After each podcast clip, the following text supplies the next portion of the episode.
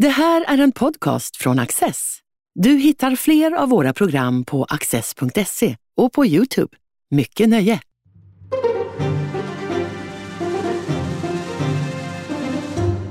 Välkomna till Studio Access. Det är vårt sista program för den här säsongen och det har jag tänkt att vi skulle ägna eh, svensk politik och se till att vi får lite helikopterperspektiv, lite överblick på vad som håller på att hända där just nu. Och eh, för att få hjälp med det har jag bjudit in två gäster, nämligen eh, Martin Tunström som är politisk chefredaktör i Barometern i Kalmar och eh, Annika Borg som är alldeles nytillträdd chefredaktör i nättidskriften Bulletin. Jag tänkte vi börjar så här. Vilken är nu egentligen den största frågan i svensk politik just nu? Martin? Ja, den största frågan eller den största händelsen som har varit är ju ändå utvecklandet av två politiska block. Att, eh, alltså Nyamko Sabuni och Liberalernas eh, besked och beslut att med, efter, efterhand här då, lämna januarisamarbetet och att ingå i en eh, stötta Ulf Kristersson sannolikt då, som statsminister i nästa, i nästa valrörelse. Detta innebär också att regeringsfrågan får en ny dynamik. Eh, det är svårare att tala om ett så här högerkonservativt block även om den retoriken delvis fortsätter. Det blir också en lite, lite annan så förskjutning i, i regeringsalternativet till, till, till höger, till det borgerliga regeringsalternativet men också med, med Liberalerna som uppenbarligen också, också vill ingå i regeringen. Så det är ändå den, någonting som kommer sätta ramarna för den politiska diskussionen framöver. Vad säger du Annika, vad är det viktigaste, mest betydelsefulla som händer? Ja, jag, håller, jag håller ju med Martin att det här är ju en, jätte, en stor händelse och man kan väl säga att en låsning eller en sten som äntligen börjar liksom att, att rulla, att vi kanske den här låsningen i debatten och i den svenska politiska samtiden kanske börjar lösas upp. Sen tycker jag ju i och för sig att det är synd att man inte talar om ett konservativt block. Jag noterade att Moderaternas partisekreterare var ute och tyckte inte att man skulle prata om det, men det är ju ändå upp till väljarna och väljarnas synsätt. För det är ju som Martin också säger, att det är klart att det finns en, en, en högersväng här i svensk politik. Eh, men jag skulle också vilja ta upp en väldigt konkret sak som har hänt bara under den senaste tiden, eller avslöjats under den senaste tiden och som i sig eh, innehåller en, en väldigt stor och central annan fråga som händer i i svensk politik och i svensk samtid. Och det är ju den här PISA-gate, så att säga, där det faktiskt är så att eh, man från regeringen och eh, samarbetspartierna, det vill säga Centerpartiet och Vänsterpartiet, har stoppat eh, en utredning, oberoende utredning av hur det står till med det svenska skolresultatet. Och det här är ju naturligtvis oerhört allvarligt på väldigt, väldigt många olika sätt. Det kanske inte är förvånande att ytterlighetspartier som Miljöpartiet och Vänsterpartiet ägnar sig åt konspirationsteorier eh, och hindrar fritt informationsutbyte och utredningar. Men att Socialdemokraterna som ändå har varit ett statsbärande parti i svensk politik och Centerpartiet går med i denna liksom, vänsterpopulism. Det är väldigt allvarligt. Och i det här som har avslöjats, eh, där man alltså hindrade en, en oberoende utredning och nu visar det sig att, man har, det, att det, det hade verkligen behövts och att den eh, utredning som gjordes var inte, inte tillförlitlig och inte tillräcklig. Det visar ju också det här som är ett drag i svensk politik, att vi ska inte beskriva verkligheten, utan vi ska konstruera verkligheten. Och det här finns ju på att politik har letat sig in i alla vrår av det svenska samhället. Alltså vi kan inte ens, det blir till och med ett problem eh, att göra en oberoende utredning om hur saker faktiskt förhåller sig. Och det är ju enda sättet att kunna göra någonting åt Eh, de brister och problem som finns. Och det där är liksom en, en eh, väldigt eh, genomgående i svensk politik också, att vi har konstruerat verkligheten, inte beskrivit den. Så jag tänker att de här avslöjandena också kan innebära att vi faktiskt är i paradigmskifte när det gäller det här. Att vi är tvungna att förhålla oss till och hantera verkligheten och verklighetens frågor. Vad säger du Martin, finns det en verklighetsflykt i svensk politik? Ja, på vissa sätt gör det ju det. Eh, och det är klart att jag vet, Marcus Uvell tycker jag träffade väldigt väl när han i sin bok för något år sedan noterade att den svenska populismen hade andra orsaker än så populismen över Europa. Att det fanns en stor irritation i väljarkåren över så att icke-frågor, eh, frågor som låg långt ifrån väljarna, har fått väldigt stor uppmärksamhet i, i svensk politik. Eh, till detta kommer också att vi har, vi har haft ett, ett, under ganska lång tid det vi kallar kulturkrig. Alltså frågor som inte rör den immateriella frågor, det rör inte ekonomi, skatter, egentligen juridik utan det rör eh, immateriella värden, värdefrågor som har fått allt mer uppmärksamhet och nästan till så här, trängt ut Eh, ekonomisk, ekonomisk politik, skatter, sysselsättning, till och med sjukvård. I vart fall kanske i medierna. Men frågar vi väljarna vilka frågor som de anser är viktigast så brukar det alltid vara sjukvården, migrationen, eh, tryggheten som ligger överst. Medan så här, kulturkrigsfrågorna någonstans får en väldigt stor uppmärksamhet i, i medier och i i exempelvis sociala medier. Så där finns en, en diskrepans eh, verkligen. Det, det, det är också en icke-fråga hela vårens stora politik, politiska fråga från regeringen och Socialdemokraternas sida Det har ju varit en sån icke-fråga också att försöka undvika eh, skatter, ekonomi, sysselsättning och tala om eh, en opposition som inte är demokratisk legitim, alltså en kulturkamp där. Där har vi fått en, en eh, en vilja då att så, fula ut de vanliga sakfrågorna till den, så, de, en, ja, vad säga, en kulturkamp och, och känslofrågor. För det är klart att de, om man tittar på hur de här båda blocken är, är, konstruerade, som du var inne på inledningsvis, så kan man säga att de är ju bara begripliga ur ett kulturkrigsperspektiv. Eh, med Centern som är det mest marknadsliberala partiet i riksdagen idag som nu är på samma, i samma lag som Vänsterpartiet som väl ändå i, sina gladaste stunder drömmer om eh, styrning och reglering och statligt ägande och såna här. Hur hållfast är det här Annika? Ja, alltså vad är det två block? Ja, det, där, det är en väldigt bra fråga. Alltså, och vad Centerpartiet är på väg och vad Centerpartiet håller på med, det är ju två väldigt grundläggande frågor. Eh, och eh, det borde ju vara, alltså, som du säger, Centerpartiet är ju det mest marknadsliberala parti vi har och att det borde ju vara oförenligt med en socialdemokratisk eh, eh politik.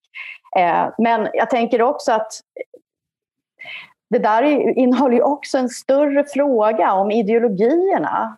Var är, var är ideologierna på väg någonstans? Alltså var finns Centerpartiet i de stora frågorna om eh, landsbygd till exempel? Stad och landsbygd. Den frågan som har varit det partiets liksom, stjärnfråga och som ju är en av de riktigt stora frågorna i Sverige. Mellan, alltså, så att säga, den, klyftorna mellan stad och landsbygd. Och det här är ju någonting som man bör, har börjat tala om för flera decennier sedan, hur, hur det har liksom vuxit. Och var är Centerpartiet där? Jo, då, då ägnar man sig åt eh, eh, till exempel oerhört eh, plakatpolitiska åsikter om vindkraften.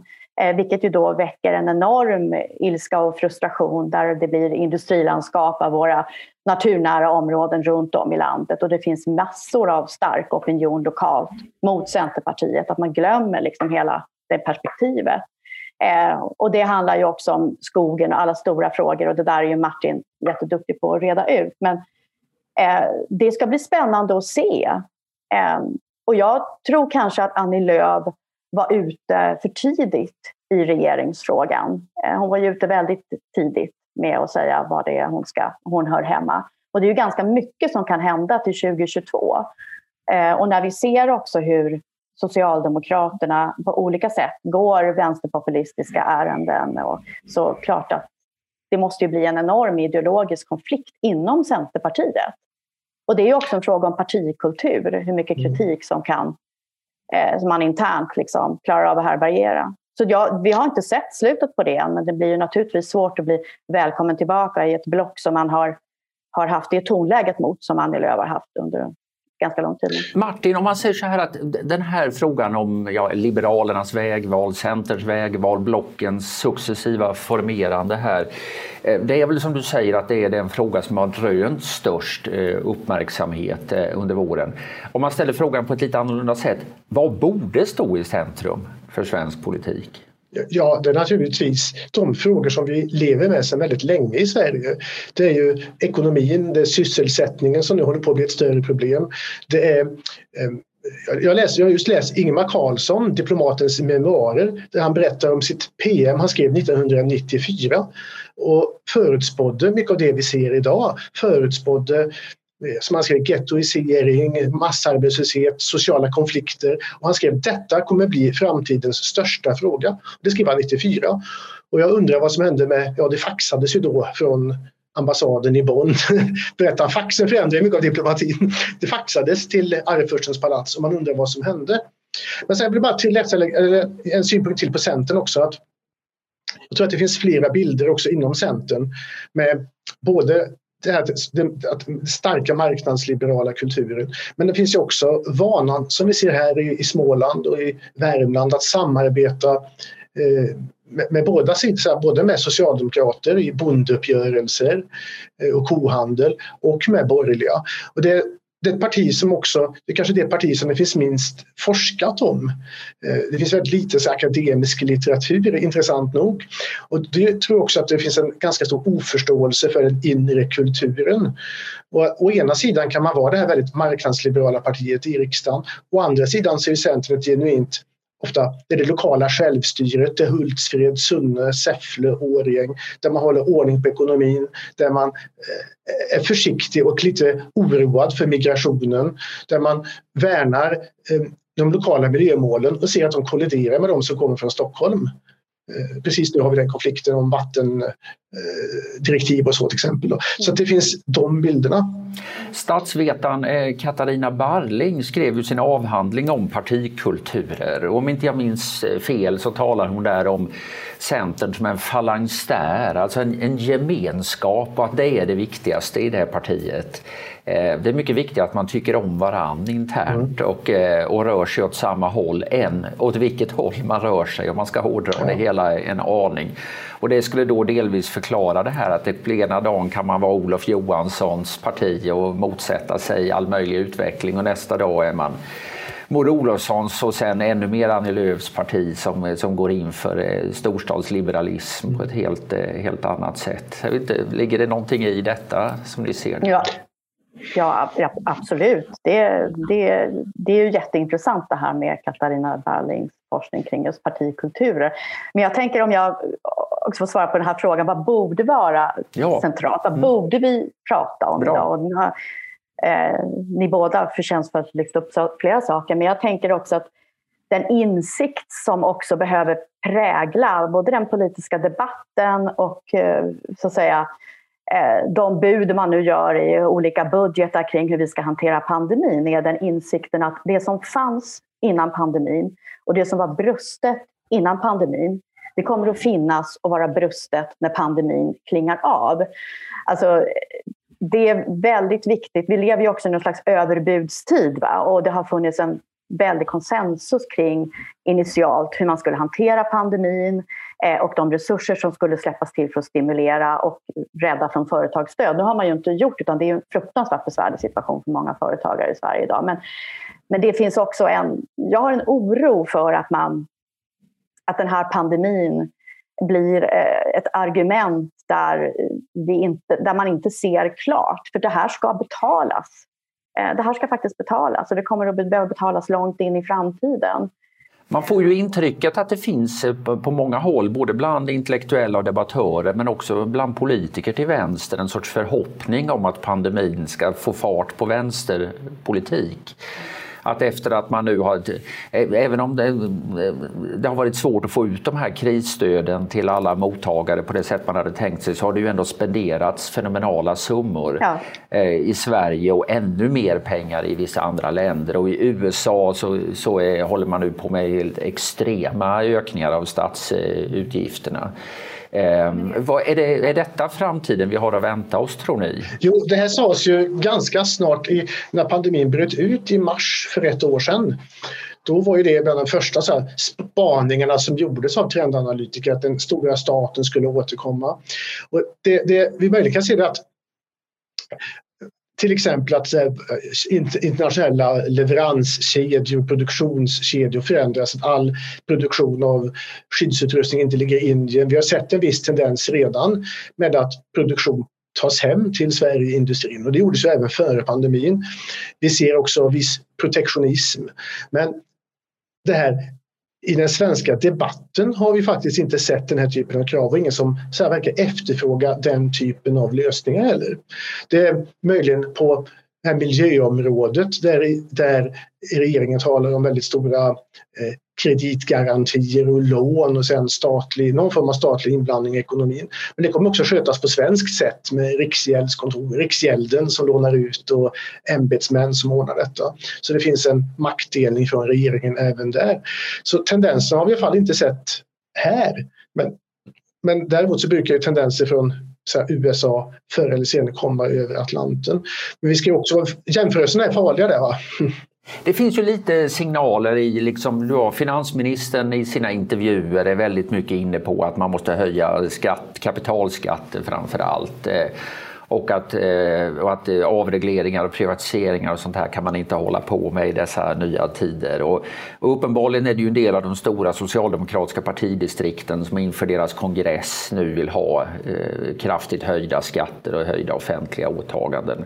Men är detta, blir det någonting av det här tror du Annika? Finns det resonans för mer traditionell vänsterpolitik i Sverige? Ja, ja det, det tror jag och jag tycker att det här Alltså det här har liksom redan börjat, om jag ska dra till med något drastiskt, liksom det covid-industriella komplexet. Alltså jag såg Vänsterpartiets eh, partiledare Nooshi Dadgostar var ju ute här häromdagen och pratade om att nu skulle man, de här som då inte, elever som inte har kunnat gå i gymnasiet, det är stödåtgärder, eh, det är stödåtgärder kring, kring en rad olika saker. Det här är ju, det här är ju en never ending. Alltså man kan ju hålla på hur mycket som helst med detta. Det kan behövas så mycket resurser som helst i kölvattnet av det här. Och det, ja, det, det ser jag. Eh, och sen ska vi ju komma ihåg också vården. Alltså den, Alltså det är ju inte så att covid-19 är den enda sjukdom som finns i det svenska samhället eller i världen. Utan det finns ju en enorm vårdskuld och det handlar ju inte om enbart benbrott utan det handlar ju om, om så att säga eh, cancerpatienter. Alltså det är ju det där, och det är också helt underbevakat och helt underdiskuterat mm. tycker jag i svensk politisk debatt. Hur den verkligheten ser ut för jättemånga människor och de trauman som det också på olika sätt ger upphov till. Så jag tror att, att här gäller det att hålla liksom, i både plånboken och hålla huvudet kallt. Alltså, för att det här kan varva upp till att bli ett sånt här covid-industriellt komplex. Det tror jag. Men då om vi då ser att det finns risk för en vänstervåg så är då en du beskriver ändå en vänstervåg med andra förtecken än den som nu strukturerar svensk politik och i de här båda olika blocken. För det är ju då så att säga mer en kultur, eh, eh ideologisk kulturkamp och inte en traditionell kamp om den offentliga sektorns storlek och skatterna och så här. Så är det de gamla vanliga höger-vänster-frågorna eller är det de här nya, som man säger ibland, galtanfrågorna om, eh, om värderingar och kultur som, som visar sig mest beständiga. Martin, vad tror du? Ja, jag tycker vi har några tecken på detta. Det är eh, Löfven till exempel, han gick ju faktiskt ut igår och varnade för, eller sa att Socialdemokraterna inte ska höja fastighetsskatten eller återinföra den, om de kallar det. Och att det finns en medvetenhet i socialdemokratin sedan länge men som som, som naturligtvis finns i ledningen men inte på samma sätt i den här, de mest aktiva, man brukar säga Mays lag. Ombud, ombuden på stämmor i ett parti är de mest ideologiskt renläriga, de mest aktivistiska. Medan ledningarna är mer pragmatiska och mer samarbetsvilliga och mer försiktiga. Eh, en annan aspekt är i partiledardebatten i Agenda hur en sån sak som våld, våld och brottslighet eh, inte har samma så här, dimension i svensk politik längre, inte samma motsättning. När eh, Miljöpartiet och Vänstern visserligen talar om förebyggande stöd till kvinnojourer som är rätta, som är viktiga delar, men där det finns en konsensus om att ja, det behövs på, eh, strängare påföljder, snabbare uppklarningar, snabbare utredningar. Så att jag är, jag är inte lika oroad som Annika är här. Men däremot så tror jag att, att migrationen kommer ju leva kvar som en, som en stor fråga. Och, eh, och sen får vi se lite, lite hur Socialdemokraterna väljer att se på på framförallt då sjukvården och man försöker köra en väldigt hård kampanj där mot alternativen. Eh, det var också någonting Löfven talade om marknadsskolan till exempel när det blir PISA-argumentation. Eh, man talar om vårdnadsbidrag som inte längre finns någonstans när det gällde integration för att nästan använda en gammal tidigare borgerlighets världsbild och, och argument i debatten idag. Eh, och sjukvården inledde också pandemin med att vi fick en väldigt debatt om privata äldreboenden var sämre än offentliga. Det visade sig att det inte var så. Mm. Så att jag tror att där, där, där kommer debatten åter, för sjukvården är så laddad i Sverige, så viktig. Och den brukar normalt sett vara den central, liksom mest centrala politiska frågan i en valrörelse. Annika? Ja, jag håller med Martin där. Jag, jag tänker också att, eh, att det är ju väldigt viktigt nu att Eh, alltså jag sa tidigare, var är ideologierna? Vart tar de väg? Alltså den ideologiska profileringen, det vill säga att vi håller i plånboken och vi håller huvudet kallt. Och vi, eh, alltså att man från borgerligt håll verkligen gör det nu och inte går in i de här överbuden som också finns. En sånt överbud är ju till exempel kring och strängare, strängare straff eh, och så vidare. Men vi måste ju ha ett rättsväsende, en do, ett domstolsväsende som har resurser, åklagare som har resurser fängelser som inte är överfulla, alltså statens kärnuppgifter. Eh, att man inte liksom går in i den här överbudsretoriken utan att verkligen se till att resurserna hamnar där, där de ska vara och mm. att eh, också att det är faktiskt så att eh, det finns inte skattepengar utan det finns medborgarnas inkomst som man förvaltar och portionerar ut. Alltså, så där tror jag det finns en lång sträcka att, gå för de borgerliga partierna, att, verkligen eh, eh, tydliggöra och synliggöra detta och vara ansvarsfulla här, profilera sig ideologiskt. Vi har nu tillsammans begått ett grovt eh, tjänstefel här eftersom vi har hållit på i över 20 minuter och pratat om svensk politik utan att ens nämna Sverigedemokraterna eh, som ju annars är obligatoriskt. Men, men vad tror ni? Liksom, det är Eh, det har ju pågått en sorts normaliseringsprocess eh, eh, under ganska lång tid och den får väl sägas ha accelererat nu med de här beskeden från Moderaterna och, Kristdemokraterna. Men hur integrerade och hur mycket ett vanligt parti kommer SD att vara när det drar ihop sig till, till val nästa år? Martin? Ja, jag tänker så här att Eh, om vi minns alliansåren så var ju ett bärande argument alltid att vi trivs tillsammans, sa de fyra alliansledarna. Vi har kul tillsammans, sa man till och med. Eh, och med naturlig släng åt vänstersidan där man inte riktigt gillar varandra. Och ett argument hela tiden mot den rödgröna regeringen har ju varit detsamma, att de egentligen inte gillar varandra. Men en borgerlig regering som lutar sig mot SD kommer inte kunna säga samma sak, att vi gör detta, vi, vi gillar varandra vi gillar SD, vi har kul tillsammans. Utan man har en eh, SD är höger men inte borgerligt, SD är höger men inte liberalt, liberalkonservativt eller konservativt. Utan det ska ju kallas som vad man statsvetarna säger som ett radikalt högerpopulistiskt parti. Och den kulturen är stark. Ledningen har uppenbarligen förändrats. Man tenderar att underskatta politisk förändring i partier. Men ledningen är också i den här typen av partier en, den är stark, den är cementerad. Men ledningen, ledningen är ändå så det är de som väldigt starkt definierar partiet. Det finns också en, en stor organisation av de återkommande skandalerna vi ser, en riksdagsgrupp som är svag. Eh, det, det är, det, det, det är, det, problemet är en annan kraft att att förhandla och jobba med än vad man brukar. Jag tycker Maggie Strömberg skrev väldigt bra i Svenskan häromveckan. En dimension som sällan har uppmärksammats om hur eh, de kulturella skillnaderna, för att tala om partikultur, också är väldigt stora. Vi ser ju detta lokalt också med det SD utanför Skåne och några storstäder är ett väldigt så här, svagt, och, svagt politiskt parti. Annika, i början av detta samtal så sa du att du gärna såg att man talade om ett konservativt block. Känner du dig lugn och trygg med SD som en del av ett sådant block? för det första så tycker jag att det var bra att vi kunde ha ett samtal om svensk politik utan att enbart tala om vad SD gör och inte gör och har gjort och så.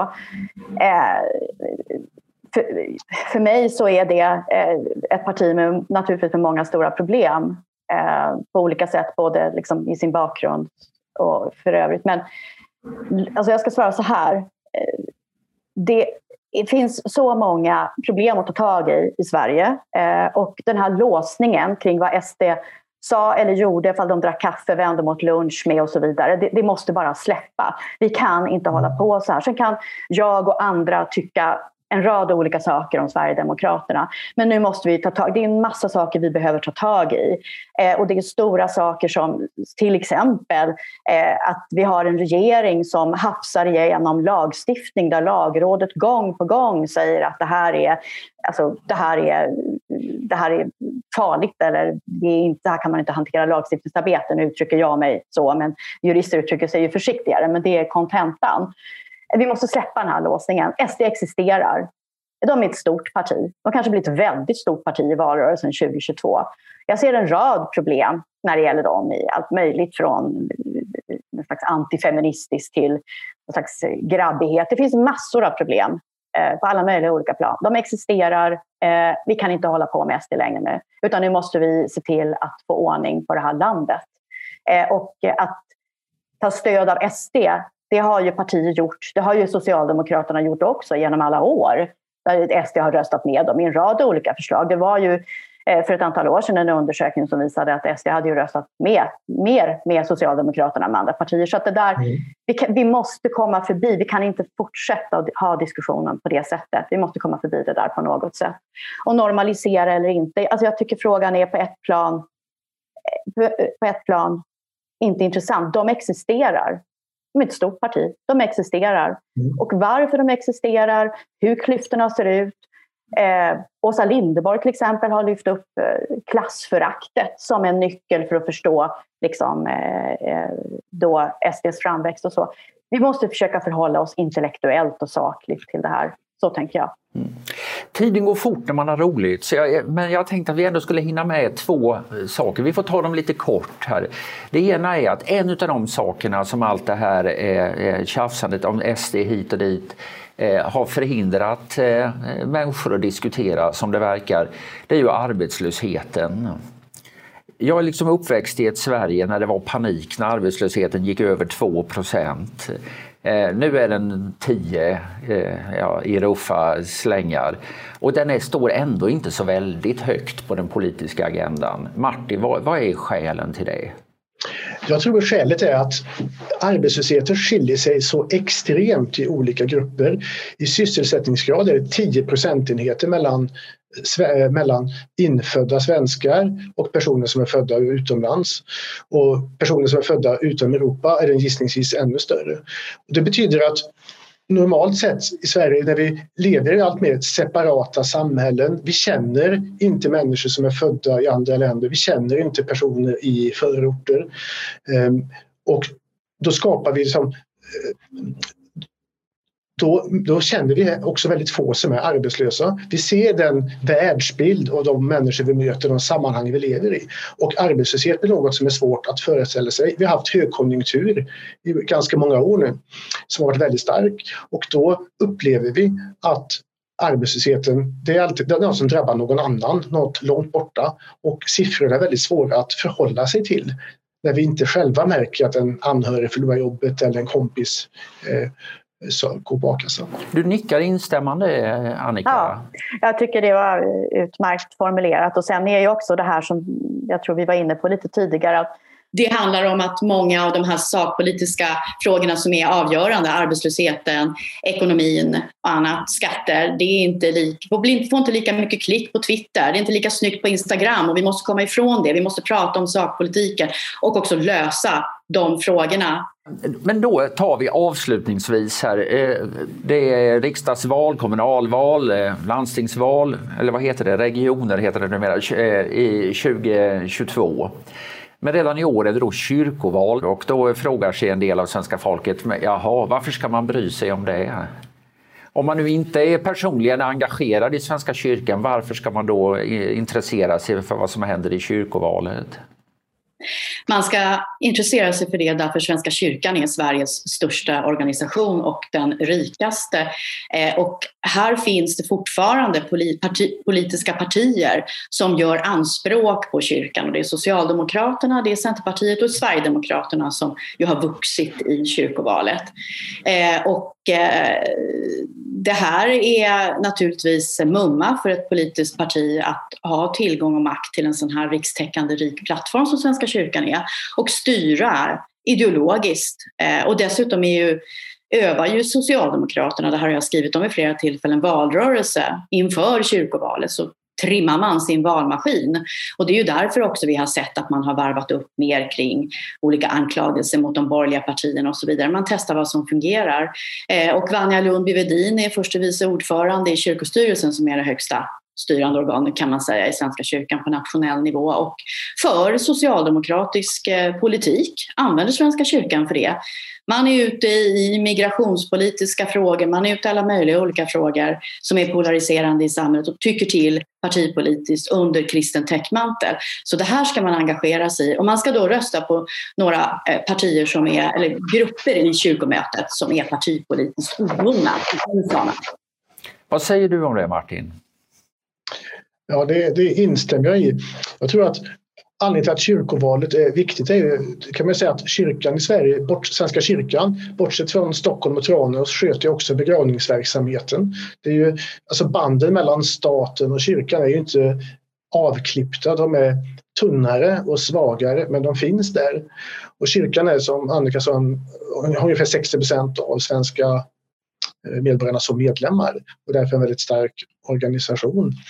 Eh, det är ett komplicerat val och det är kanske sista gången vi kommer ha det här tror jag. Det finns ju ett stort missnöje även i ärkebiskop Jackelén talar om det partipolitiska intresset som inslaget som otidsenligt och det har tidigare diskuterats om de kostnader som man har här. Baksidan är att det är, svårt, det, är svårt, det är svårt med en sån jätteorganisation som Svenska kyrkan är att tänka ett alternativ. Det finns ju en stor risk med alternativa verksamheter att församlingar kapas, att pastorat kapas av smågrupper. Det är stora e-, ekonomiska värden som finns. Och det finns också då det, förvalt, det statliga förvaltandet av som huvudman för begravningsverksamheten till exempel. Så det är en komplicerat men ändå ganska viktigt val. All right. Stort tack! Vi har benat i en del av alla de frågor som mm. står på agendan här men, eh, och det finns mycket kvar att eh, diskutera eh, framöver. Så jag hoppas vi får nya tillfällen att, att göra detta. Stort tack för att ni tog er tid att vara med, Annika Borg. Tack så mycket. Martin Tunström. Tack. Du har just lyssnat på en podcast från Access. Du vet väl att vi också är en tv-kanal och tidning? Teckna en prenumeration idag på access.se.